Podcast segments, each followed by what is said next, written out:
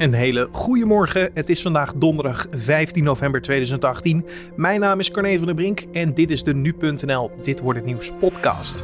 Woensdag maakte de rechter zijn besluit bekend in de zaak over het uiterlijk van Zwarte Piet tijdens de intocht aankomend weekend in Zaandam. De stichting heeft, kortom, precies gedaan wat de wetgever heeft willen voorkomen. Ze heeft gedaagd te overvallen door in een veel te laat stadium haar eisen bekend te maken en heeft hen door het stellen van een veel te korte sommatietermijn geen enkele gelegenheid gegeven om op haar standpunten te reageren. We praten er zo over verder met rechtbankverslaggever Joris Peters. En de standaard kilo is afgevallen. Juist de enige echte originele kilo die precies een kilo weegt, weegt niet meer een kilo.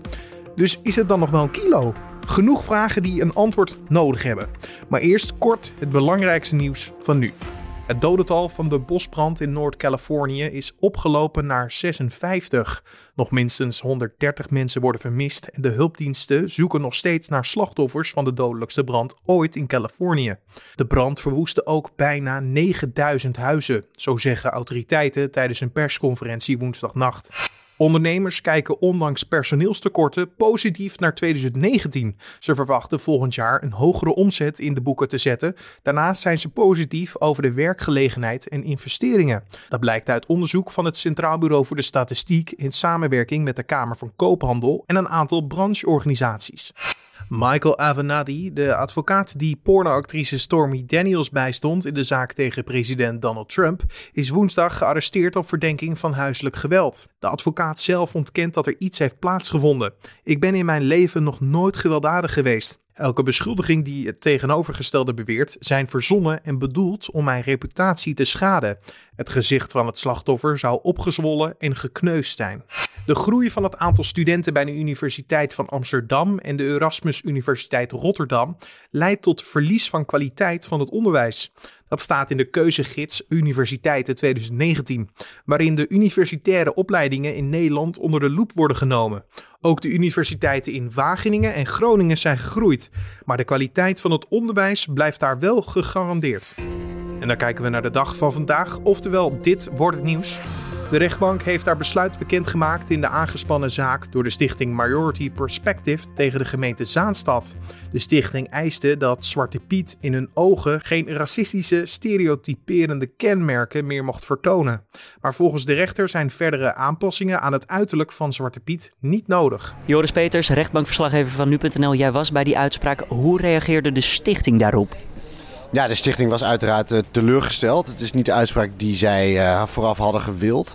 Uh, en zij kondigden ook eigenlijk aan om, om, om toch wel met deze, deze uitspraak naar het Europees Hof te stappen. met de overtuiging dat die dit zou vernietigen omdat Zwarte Piet een racistisch karakter heeft. En daarom niet mee mag doen aan de intocht in de, in, in de vorm zoals hij er, laat ik zeggen, soms uitziet. Hè? Ik bedoel, ze hebben ook wel tegen roetveegpieten. Maar vooral de, de klassieke Zwarte Piet, laten we hem zo maar even noemen. Met gouden oorbellen en dikke rode lippen. Daar, daar nemen zij aanstoot aan. Laten we zo even verder kijken naar het Europees Hof. Eerst nog eventjes deze zaak. Want de stichting had vooraf geen overleg gevoerd met de gemeente. Daarop, daarop liep het stuk eigenlijk. De stichting heeft, kortom, precies gedaan wat de wetgever heeft willen voorkomen.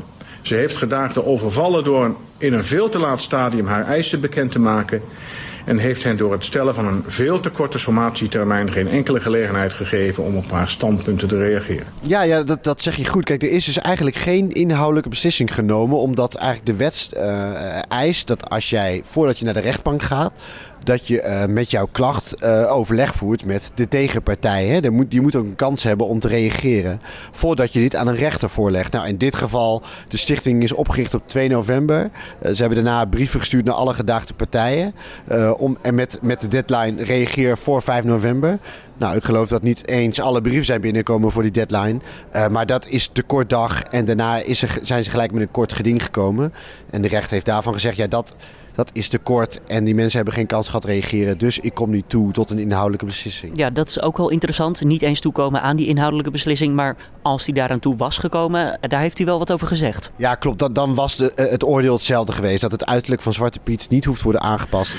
Ook indien de rechter zich wel over de inhoud van de zaak had mogen buigen, had de stichting de zaak niet gewonnen. Daar moet dan wel bij op worden gemerkt, de, de, de klassieke Zwarte Piet zoals wij hem kennen, daar is al een paar keer uitspraak over gedaan dat, dat, dat hij zeker racistische uh, karaktertrekken heeft. Hè? En dat zegt deze rechter ook.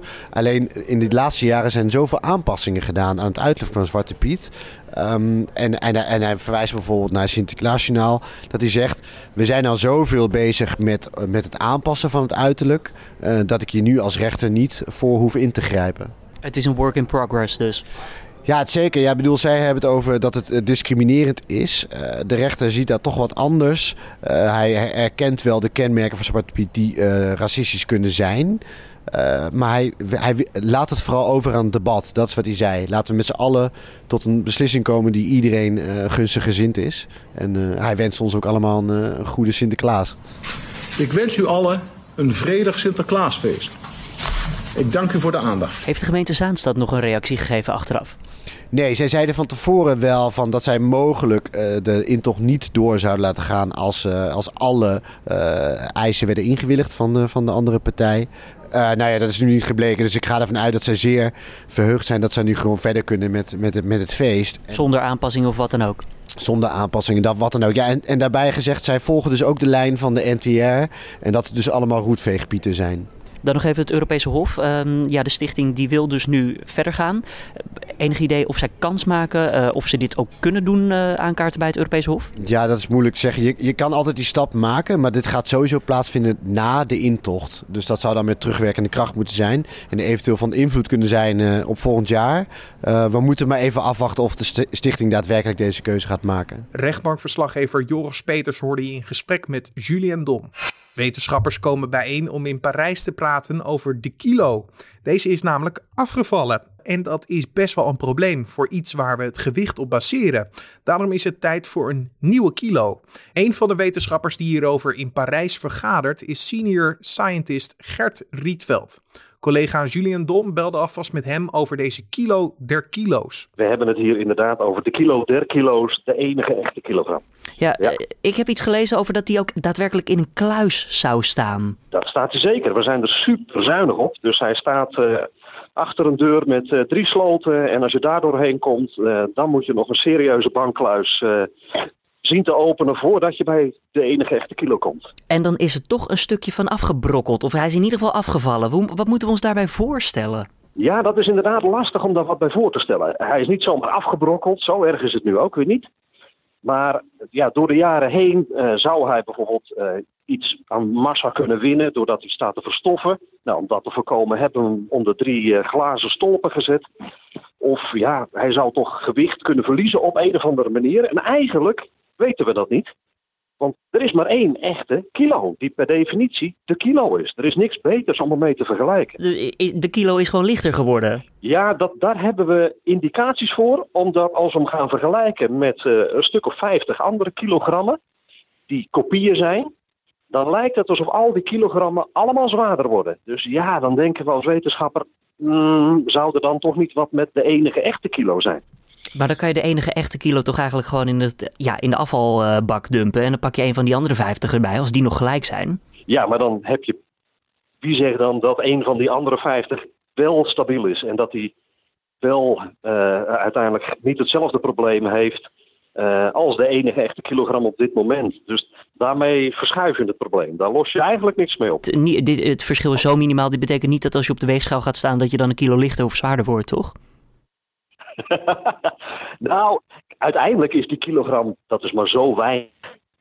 Uh, ja, als jij of ik op de weegschaal gaan staan of bij uh, de slager een kilo vlees koopt, nou, daar zie je dat verschil niet in. Uh, het is uiteindelijk echt op het allerhoogste niveau dat je zegt, ja, we zien wel kleine verschillen waarvan we denken, het zit hem in die kilo. Dus voor het dagelijks gebruik heeft het eigenlijk geen consequenties. Maar voor de lange termijn heeft het grote consequenties. Dus dat is een beetje de twee kanten van de medaille. Ik begrijp dat jullie een nieuwe kilo nodig hebben. Hoe gaan jullie dit dan oplossen, dit probleem? Wat we gaan doen is, we gaan in plaats van de kilogram een natuurconstante kiezen. De constante van Planck.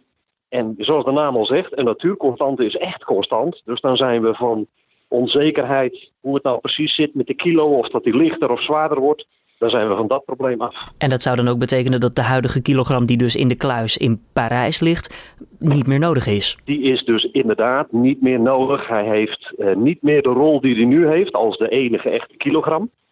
We gaan hem wel bewaren. Want we zijn wel benieuwd of dat hij nou echt varieert of niet. Dus als we straks overgaan naar die natuurconstante, gaat hij zeker wel over een jaar of 10, 20 uit de kluis komen om te kijken hoe stabiel is die nu echt. En dan gaan we hem meten tegen die natuurconstante. Senior scientist Gert Rietveld hoorde je over dit nieuwe kilo.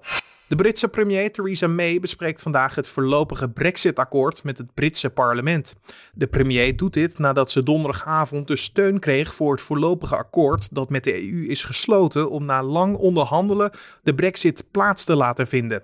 Het is nog onduidelijk of ze in het parlement kan rekenen op voldoende steun voor het akkoord. Britse media berichten dat ontevreden Brexiteers binnen de partij een interne opstand tegen haar leiderschap overwegen. Minister van Nieuwenhuizen gaat vandaag in gesprek met kinderopvangcentra. Het gaat hierbij om centra die vanwege het verbod op de stint als gevolg van het dodelijke treinongeluk in Os vervangend vervoer moeten regelen. Volgens de branche zijn er nu financiële problemen en veiligheidsproblemen bij het vervoer van de kinderen. Gemeente en het ministerie van Sociale Zaken sluiten ook aan bij het gesprek. En dan nog even het weer. De mist en lage bewolking kan regionaal hardnekkig zijn.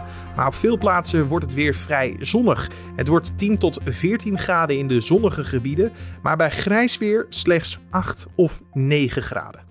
En om af te sluiten nog even dit. Een hanger van de Franse koningin Marie-Antoinette is verkocht voor ruim 32 miljoen euro. Het juweel met diamanten en één grote parel werd woensdagavond geveld in Zwitserland. Nog nooit eerder is er zoveel betaald voor een parel, zo meldt het Veilingshuis. Er werd verwacht dat de eeuwenoude hanger ongeveer 1,8 miljoen euro zou opleveren. En je hoort het al, dat is natuurlijk best een groot verschil. Alleen de vraag is natuurlijk nu: gaat de hanger verdwijnen in een vitrinekast of gaat die gedragen worden? Dit was dan de Dit Wordt Het Nieuws podcast voor deze donderdag 15 november. Je vindt deze Dit Wordt Het Nieuws podcast natuurlijk elke maandag tot en met vrijdag om 6 uur ochtends op de voorpagina van nu.nl of in je favoriete podcast app. En vergeet dan ook niet in die podcast app gelijk ook op abonneren te klikken. Zo staat hij namelijk elke ochtend om 6 uur voor je klaar. Laat ons weten wat je van deze podcast vindt. Dat kan je doen via mailtje naar podcast.nu.nl of een recensie in iTunes. Mijn naam is Carne van de Brink. Voor nu een hele fijne donderdag en tot morgen.